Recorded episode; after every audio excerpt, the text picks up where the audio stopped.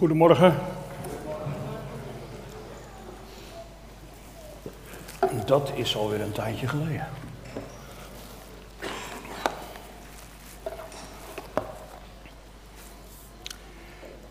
Zoals uh, misschien sommigen van u weten, hebben mijn vrouw en ik een gezinshuis. Ik heb het wel eens verteld. Wij vangen kinderen op die niet thuis kunnen wonen. En die moeten regelmatig naar therapie. En zo rij ik elke week met een jongetje van 9 jaar naar therapie. Ede, Hoendelo, Hoendelo, Ede. Niet zo ver. Maar dan heb je gesprekjes met hem. En dan vraag ik aan hem: wat wil je nou eigenlijk worden? Nou, er is maar één ding wat hij wil worden, en dat is profvoetballer. Nou, er zitten een heleboel kinderen in de zaal. Zou ik eens even wat handen mogen zien van tegenwoordig ook dames, want die hebben het best goed gedaan. En jongens, wie wil de profvoetballer worden?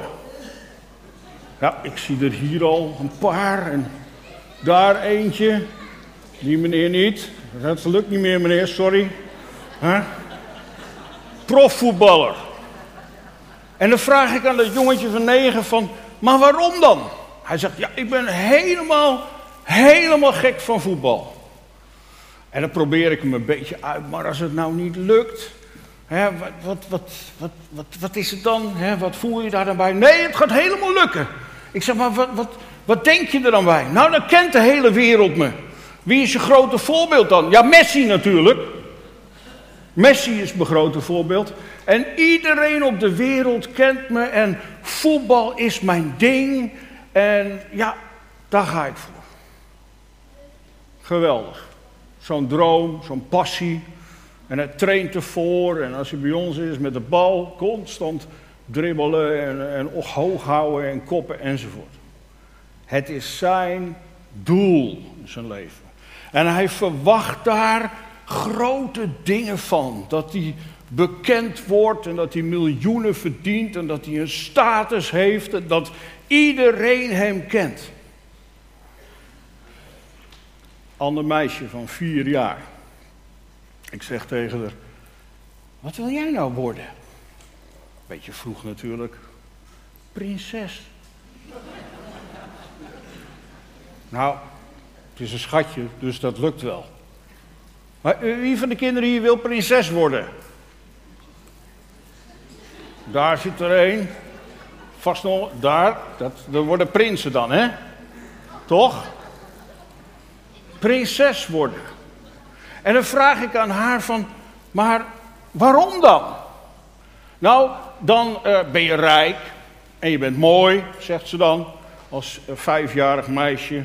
En uh, iedereen kent je en je telt mee en, en mensen staan voor je op. En kijk maar naar de prinsessen van, van Maxima en onze koning.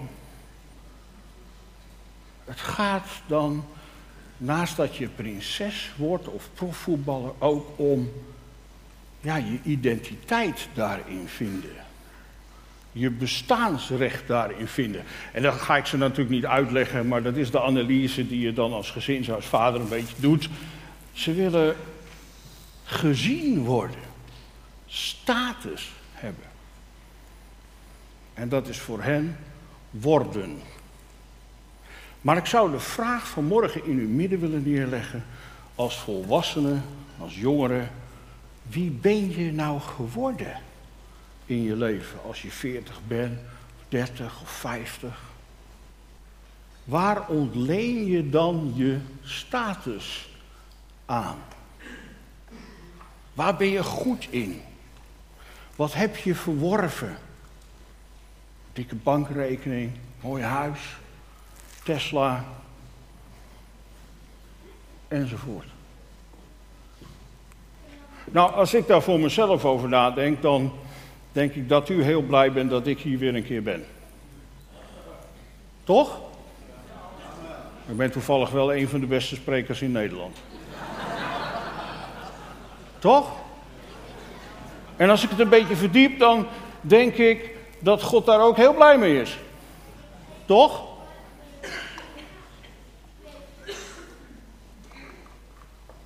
Hier gaat het over vanmorgen. Wie ben je nou eigenlijk? En waar roem je in? We gaan lezen. Gelaten, hoofdstuk 6.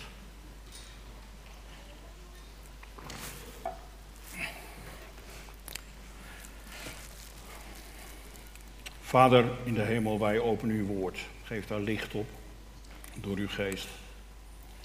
Open ons hart, zodat het ingang mag vinden bij ons. En dat u verheerlijkt wordt in ons leven. Door uw woord vanmorgen in Jezus' naam. Amen. Vers 11. Hier zegt Paulus: Zie hoe met, zie met hoe grote letters ik u eigenhandig schrijf.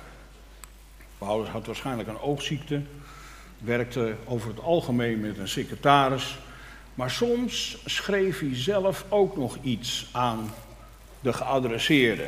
En dat waren dan grote letters, omdat hij het zelf nog een beetje goed moest zien. Vers 12. Allen die zich uiterlijk goed willen voordoen, trachten u te dwingen tot de besnijdenis. Al, alleen om niet vervolgd te worden ter wille van het kruis van Christus Jezus.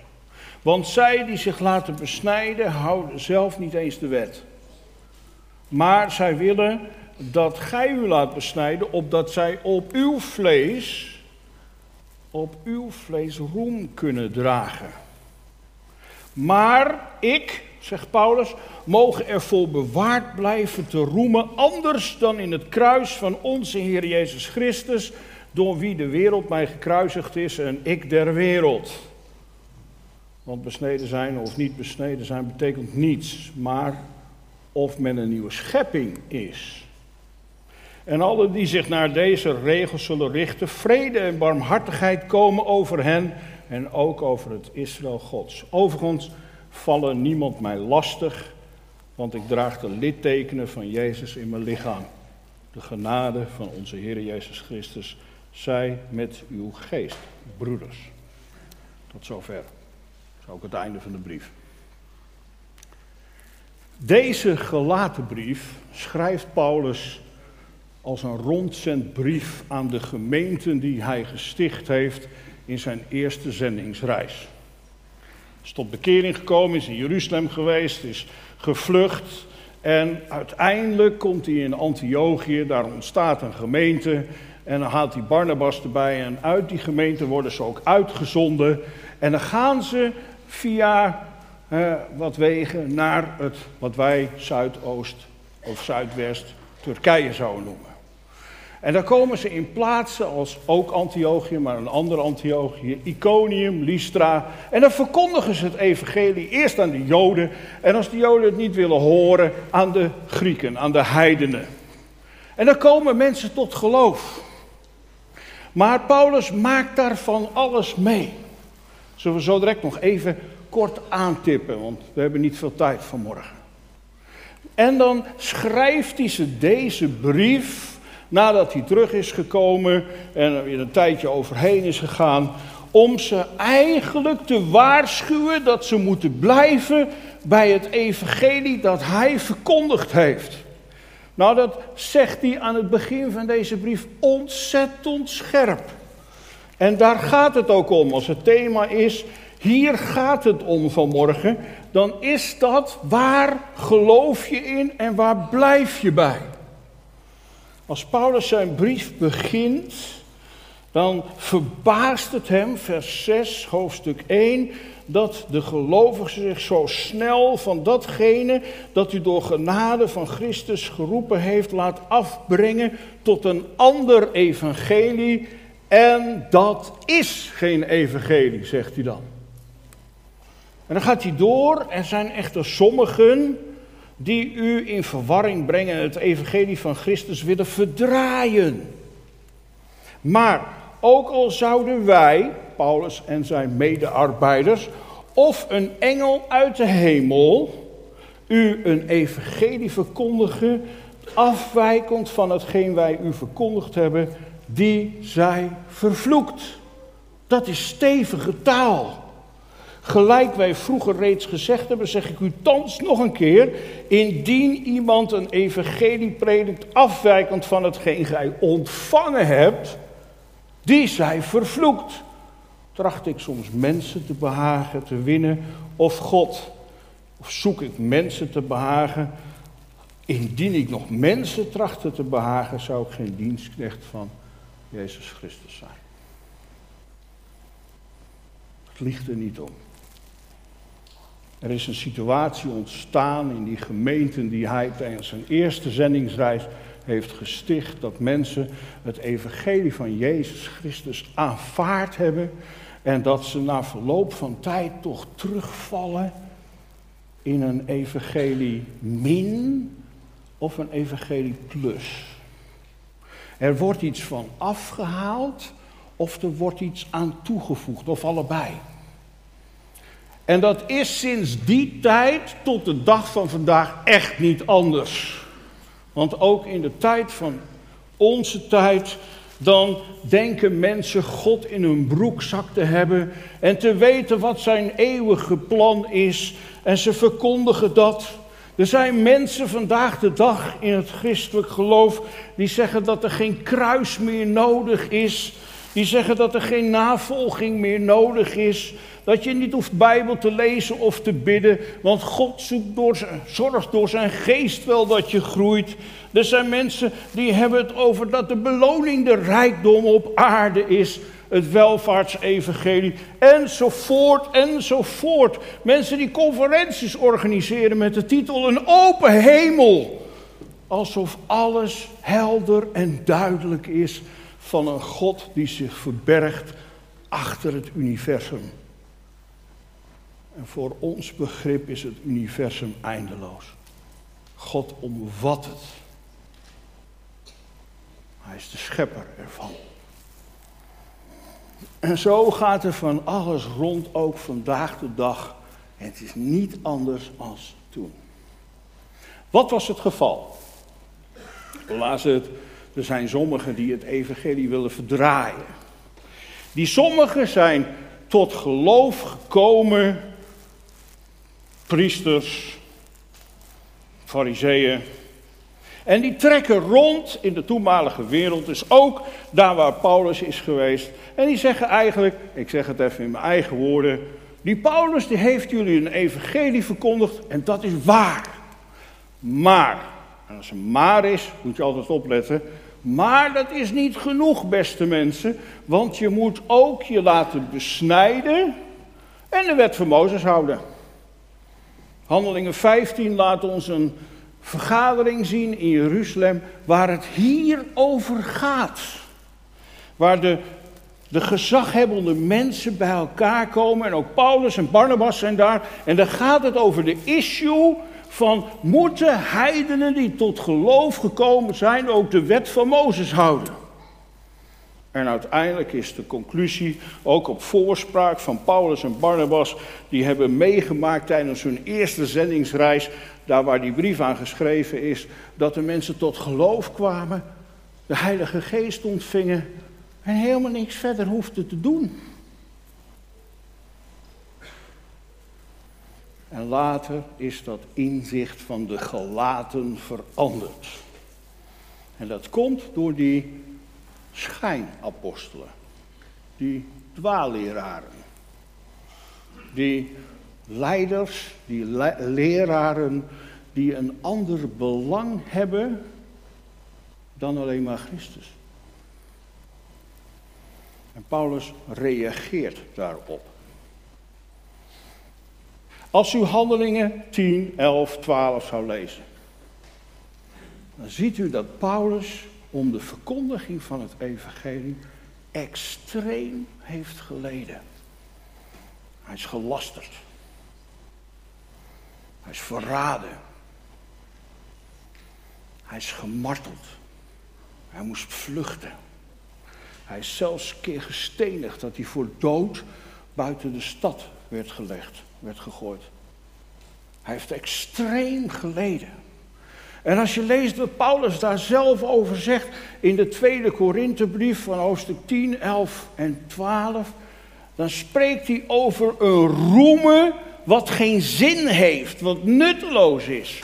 Maar er zijn dus mensen die roemen wel en die roemen in dingen die zij bereikt hebben. Hun status, hun aanzien, hun vruchtbaarheid in hun bediening enzovoort. En Paulus zegt als er dan geroemd moet worden, moet het maar nalezen vanmiddag, 2 Korinthe. Nou, dan zal ik ook roemen. Het heeft wel geen nut, maar dan roem ik in mijn werk, mijn marteling, gemarteld zijn, mijn verraden en niet begrepen zijn. Dan roem ik in, zoals hij dat in hoofdstuk 12, vers 11 aan het eind zegt, ik ben niets. Die woorden troffen me. Ik ben niets. Mijn genade is u genoeg, zijn de woorden die daar naar voren komen. Paulus heeft geleden voor de verkondiging van het evangelie. En als je Filippenzen hoofdstuk 3 erbij pakt, leest u het ook maar voor uzelf, dan zie je dat Paulus een rijtje noemt van voorrechten die hij zo en zo heeft, omdat hij een Jood is. Dat hij besneden is op de achtste dag, dat hij een Israëliet is, dat hij een Hebreeër uit Hebreeën is, uit de stam Benjamin. Het tijd ontbreekt om het allemaal uit te leggen. Maar het waren voorrechten in zijn leven. Hij kon zich daar, en dat heeft hij ook gedaan, op voor laten staan. Kijk, ik ben Paulus, gestudeerd aan de voeten van Gamaliel. Ik hoor er helemaal bij. Ik heb aanzien. En als Paulus binnenliep, dan spitste iedereen zijn oren om wat hij te zeggen had.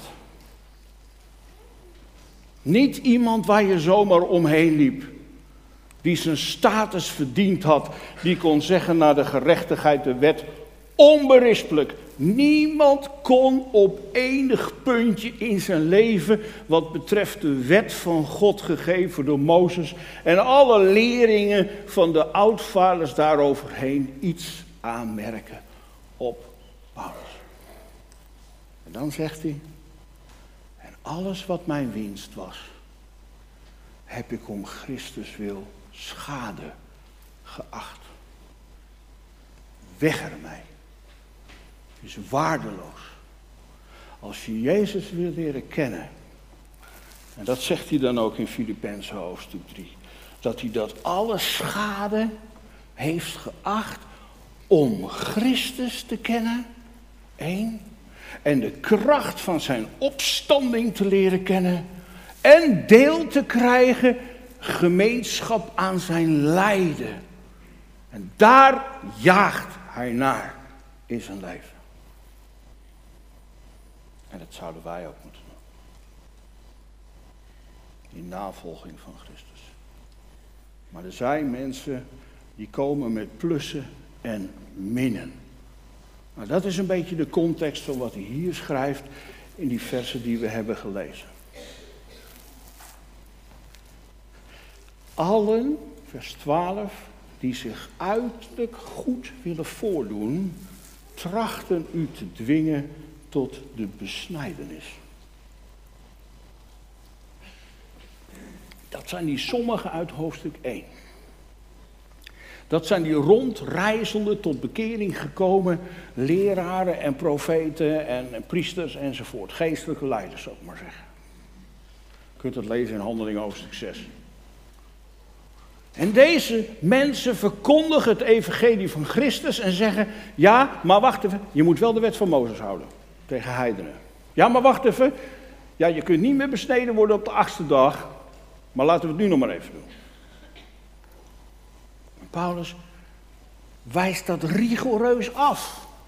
In hoofdstuk 5 gebruikt hij zelfs extreme woorden hiervoor. Als je kijkt in uh, hoofdstuk 5, vers uh, eh, 11, geloof ik. Wat mij, echte broeders, indien ik nog de besnijdenis predik, waarom word ik dan nog vervolgd? Immers, dan is immers het aanstotelijk van het kruis van kracht beloofd, uh, beroofd. Zij moeten zich maar laten snijden die u verontrusten. Het gaat over die sommigen. En dat snijden hier betekent castreren. Dat is iets anders dan een besnijdenis. Wat komt uit Genesis 17 als teken van het verbond tussen God en Abraham? Dat hoeft niet meer bij heidenen, zegt Paulus. Dat heeft hij ook nooit verkondigd. En dat krijgen ze nu wel te horen. En het motief van deze sommigen staat in vers 12b. Zij willen zich uiterlijk goed voordoen en ze trachten u te dwingen tot de besnijdenis. Waarom? Alleen om niet vervolgd te worden ter van het kruis van Jezus Christus. Deze mensen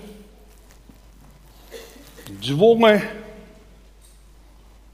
hun bekeerlingen tot de besnijdenis, zodat zij tegen hun Joodse geloofsgenoten konden zeggen: Kijk, ze houden nog de wet van Mozes en ze zijn besneden.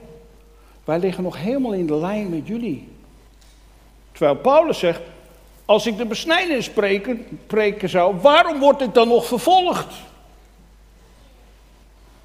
Deze mensen willen de vervolging om het kruis van Christus juist ontlopen.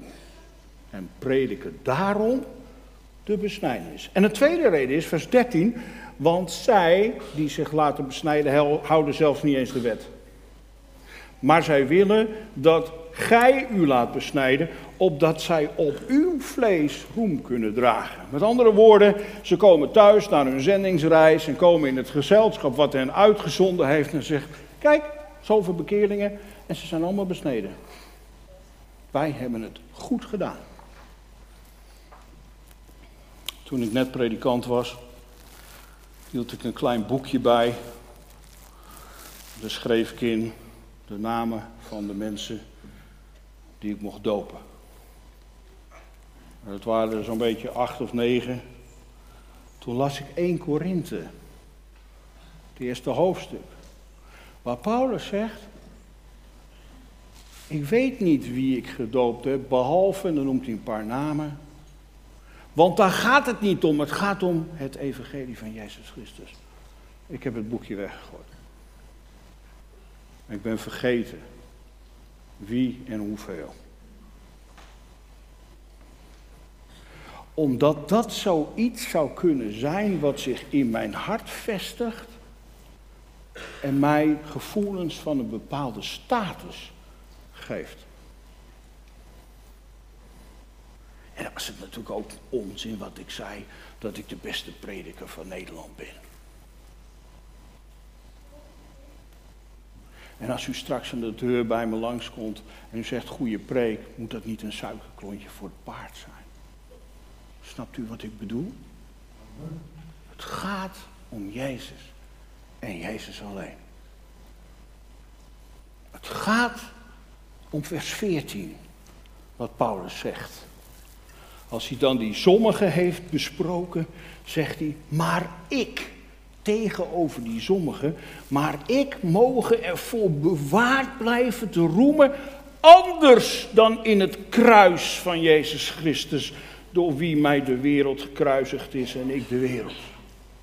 Het kruis van Christus op Golgotha is tussen mij en mijn oude leven komen te staan is tussen mij en de wereld komen te staan. Is tussen mij en alle gedachten en methodieken en filosofieën en begeerten van de wereld komen te staan. Ik ben op het kruis gestorven voor de wereld en de wereld voor mij, zegt hij. Dat zegt in hoofdstuk 2, vers 20 ook. Met Christus ben ik gekruisigd.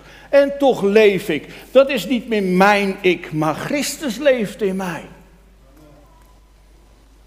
Nou, ik kan u wel vertellen. Dat er naast de opstandingskracht van Jezus in mijn leven. er nog een andere opstandingskracht is. En dat is van mijn eigen ego. Mijn ik elke keer weer om de hoek komt en zegt: Heb je goed gedaan, George? Ging goed, hè? Vanmorgen.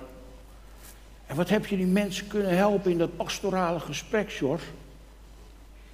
En wat is het toch geweldig goed werk wat jullie doen om al die kinderen op te voeden, George? Je geeft ze een kans. Mijn ego komt dan weer naar boven. Terwijl Paulus zegt, kruis, waar Jezus gestorven is in mijn plaats, voor mijn zonde, voor mijn status, het is er niet meer. En daarom dat het kruis elke dag prominent in je leven rechtop moet staan. En dieper moet wortelen in je zijn, in je ego. Want aan het kruis werd het verschil gemaakt.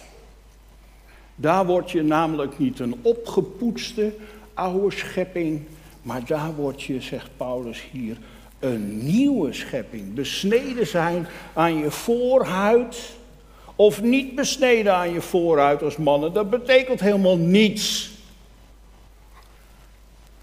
Besneden zijn aan je hart, oud-testamentische term. Dat betekent iets. En dat staat gelijk aan nieuw-testamentisch met Jezus sterven aan het kruis, aan je eigen ik.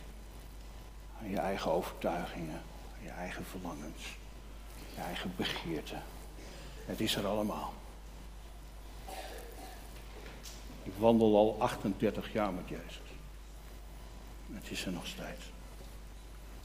En ik reken er ondertussen op dat het er nog wel zal blijven ook. Dat ik die prachtige liederen nodig heb om me te attenderen op genade, genade alleen. Zoals Johannes het zegt in het eerste hoofdstuk dat Jezus is verschenen en brengt genade op genade. Dat hebben we nodig. Je kunt zonder genade niet wandelen met Jezus. En de diepste genade is op Golgotha gebeurd. Waar je werd vrijgekocht uit het rijk der duisternis. En overgeplaatst naar het rijk van het licht, van de Zoon van God. Kon ik niks aan doen. Alleen maar ja zeggen, dat wil ik. En Jezus deed dat voor mij. En voor Paulus, die zegt, dat is waar ik in roem. Al mijn status, al mijn voorrechten, alle effecten op mijn prediking, alle vruchtbaarheid op mijn bediening. Jezus, alle eer.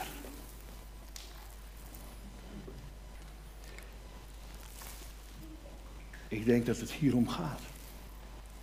Nee, ik denk het niet. Hier gaat het om. Als je dit verliest in je leven,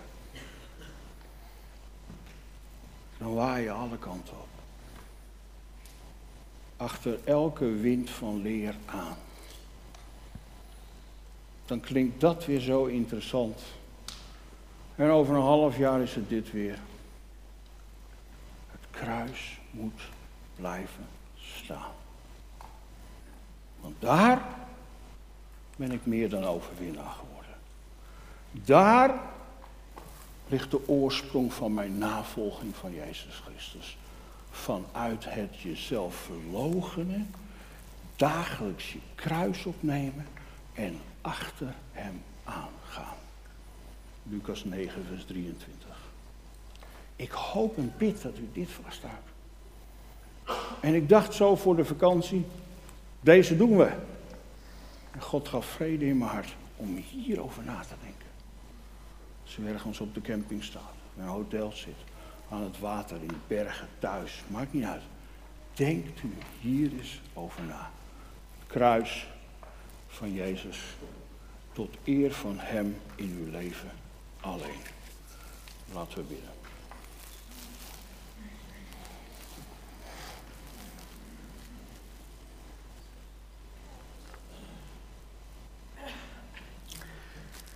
door de eeuwen heen, Vader in de hemel, hebt u deze boodschap van het kruis van Jezus Christus en de implicaties daarvan levend gehouden. Dat een Maarten Luther beleidt dat Luther is gestorven en Jezus Christus leeft. Dat wij in navolging van Hem en zoveel anderen kruis mogen omarmen en ons aan vast mogen klemmen.